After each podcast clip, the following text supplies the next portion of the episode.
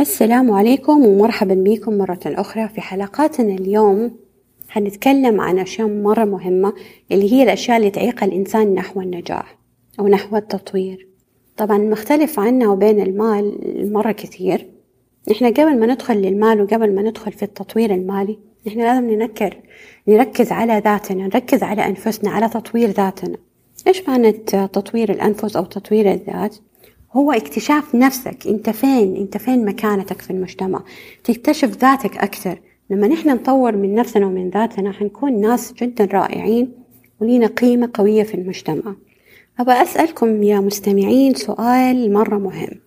لما أسألك أنت أو أنتي من أنتم؟ الغالب حيجاوب إنه والله اسمي محمد الثاني حيقول اسمه عبد الله وهي حتقول اسمها مريم أو سارة أو مين ما كان بس الجواب هو أعمق من كده بكثير. مرة هو معناته أنت إيش مكانتك في هذا المجتمع أو في البيئة اللي أنت عايش فيها.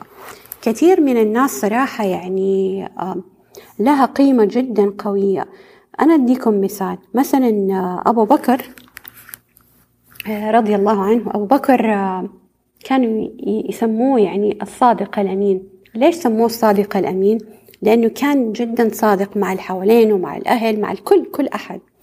وهذا الاسم مو بس عند أبو بكر حتى كمان سيدنا يوسف عليه الصلاة والسلام. عندكم خالد بن الوليد سموه بالسيف الله المسلول.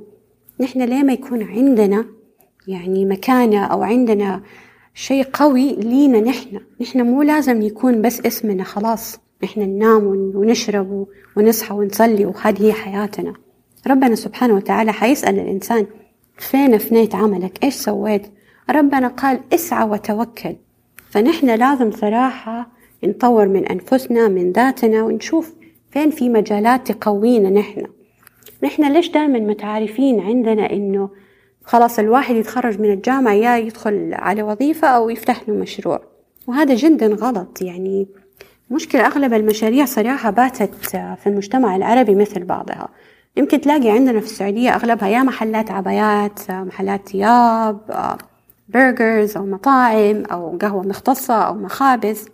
وهذا أكبر غلط إنه نحن نكون مثل بعضنا. ما يعني ما في اختلاف تماما. أتذكر من من مدة كنت بتناقش مع مجموعة من النساء. فكنت حاطة post إنه بقول لهم ليش أصبحت المشاريع مثل بعضها؟ قالت لي واحدة سارة إيش فيها لو واحد أبدع؟ هو مش الإبداع. هذا عنده مخبز هذا الثاني عنده مخبز والثالث عنده مخبز وكل واحد أبدع في النهاية فين الإبداع؟ فين ال creativity نحن لما نعمل حاجة جديدة أو مختلفة عن اللي موجود في البلد أكيد هذا وقتها أقول لك هذا مبدع. هذا عمل شيء جديد مو موجود منه. هل في أفكار؟ طبعا في. وأنت لما تكون مبدع ماليا ذاتيا من كل النواحي أنت إنسان مبدع.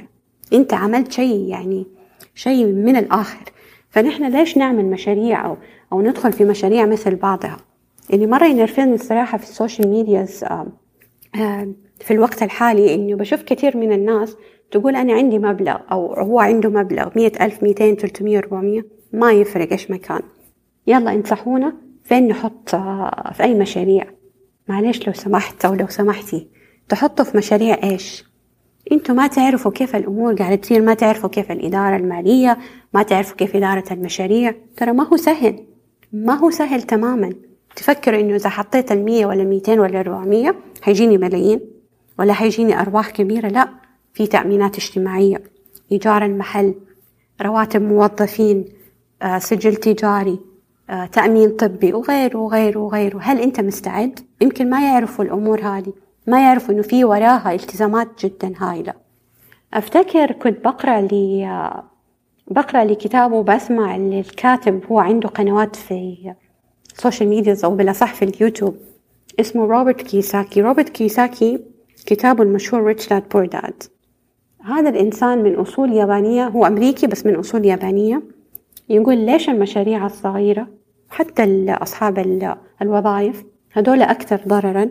أنت لما تيجي تشوف دحين أصحاب المشاريع اللي عنده محل عبايات أو اللي عنده محل burgers هذا إيش حيقدم في اقتصاد البلد؟ ولا شيء. وليش الحكومة تدعمهم؟ لأنه في النهاية ما قدموا شيء للمجتمع.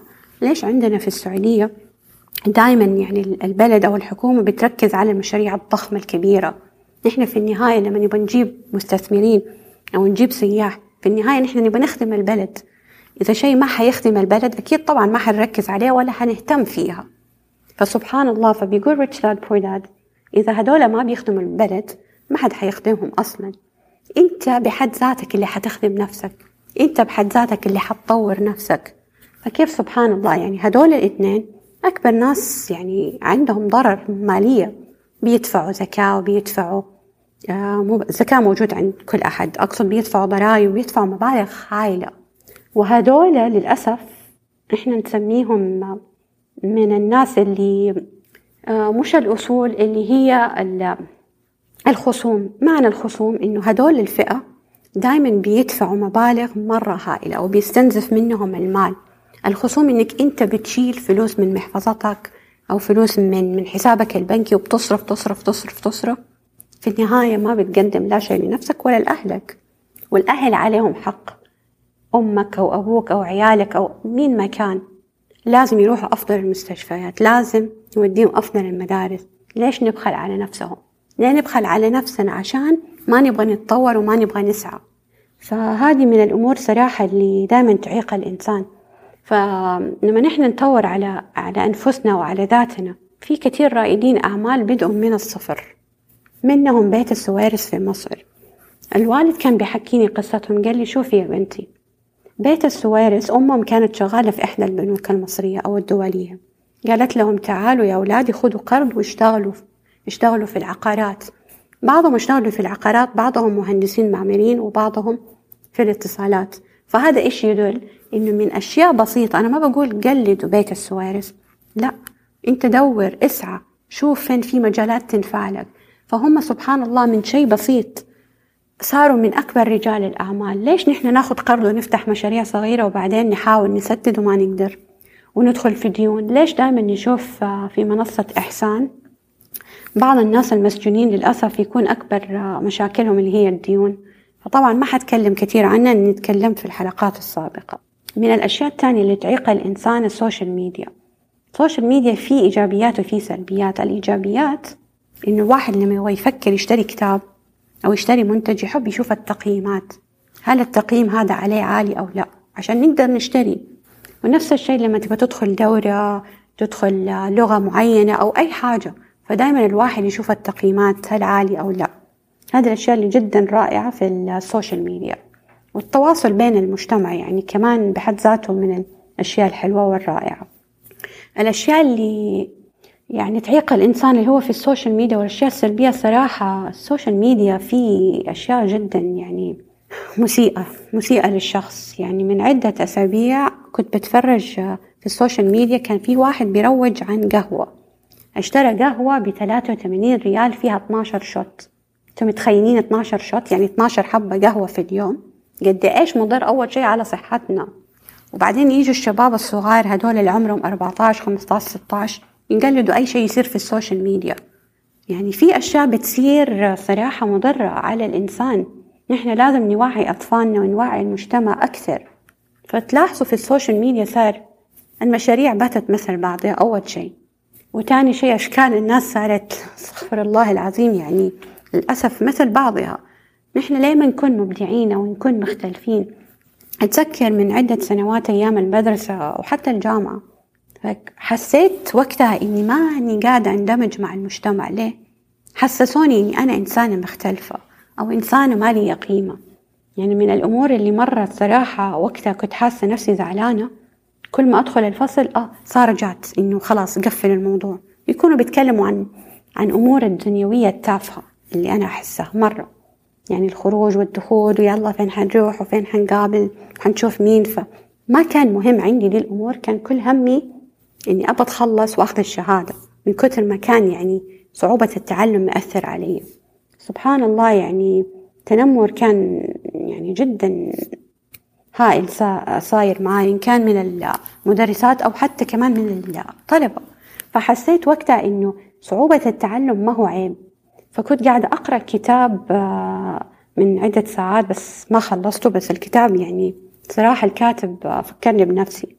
كان بيتكلم عن معاناته آه، مو مع التعليم بس هو لأنه صار له حادث وتعور في الدماغ وراح المستشفى وكذا فالحادث هذا سيطرت آه، على تعليمه فصار بطيء في الاستيعاب. سبحان الله افتكرت نفسي. فكيف إنه سبحان الله يعني طور من ذاته من القراءة من التعليم وصار بدأ يركز على ذاته. فكيف صار من من الناس الكبار المعروفين في أمريكا اللي صار يعطي محاضرات واستشارات للناس حتى للمشاهير. فنحن لما نركز على ذاتنا أكيد حنلاقي مكان يعني آه، فيها راحة أفتكر آه، كنت بتكلم مع معلمتي الخصوصية الخاصة بقول لها إنه أنا ناوية ألف كتاب وناوية أدخل في ذا المجال مو بس فرحت. فقلت لها إنه وشوية وكنت أبغى أبكي معاه قلت لها نفسي الصراحة أقول لكل أحد اللي عانى في حياته إنه ما هو آخر الدنيا. نفسي أشجعهم وأوقف معاهم. ما هي آخر الدنيا إنه خلاص أنا عندي صعوبة تعلم ولا عندي آه، تشوه في وجهي أو إيش ما كان إيش ما كان. ما هي آخر الدنيا. نحن لازم نوقف مع بعض ونساعد بعض ونساند بعض أكثر. إن شاء الله في أمتنا فيها خير وأمة محمد صلى الله عليه وسلم فيها خير وبوجودكم وطبعا وجود الله في حياتنا إن شاء الله كلها فيها خير يا رب. من الأشياء الثانية اللي تعيق الإنسان البيئة أو أو الأصدقاء. أتذكر من عدة سنوات كنت بعاني من من من الأصدقاء بحد ذاته إنه ناس كتير تنصدم منهم عشرة عمر فجأة تروح في يوم وليلة بسبب إنه في ناس ما تتمنى الخير لك ولا لنفسها. فلما تيجي أنت تنصح ناس عزيزة عليك إنه تدلهم إنه في طرق ممكن واحد يتخلص من مشاكله وما يبغى الشي ده فأنت نفسيا بتتعب. إنه ليش أنا أحيط نفسي مع ناس آه، دايما سلبية في حياتها؟ فكنت بتفرج من سنة تقريبا أو سنة وزيادة للداعي آه، مصطفى حسني. كان بيتكلم إنه جاته واحدة بتسأله يا شيخنا أنا صاحبتي من المقربين عندها مشاكل مرة كثيرة حاولت إني أنصحها وأدعمها وأساعدها ما هي راضية تتطور تماما. قال ابعدي عنها لأنه هذه حتأثر على حياتك. وقت ما تتحول حياتها للأحسن وتصير أفضل تواصلي معاها. فكيف سبحان الله يعني لما أنت تختار الناس اللي في حياتك دايما إيجابية ودايما عندها طموح كيف حياتك تختلف تماما؟ أنا لما بعدت عن ناس كتير في حياتي كانوا سلبيين في حياتهم سبحان الله تطورت اتطورت بطريقة غير طبيعية.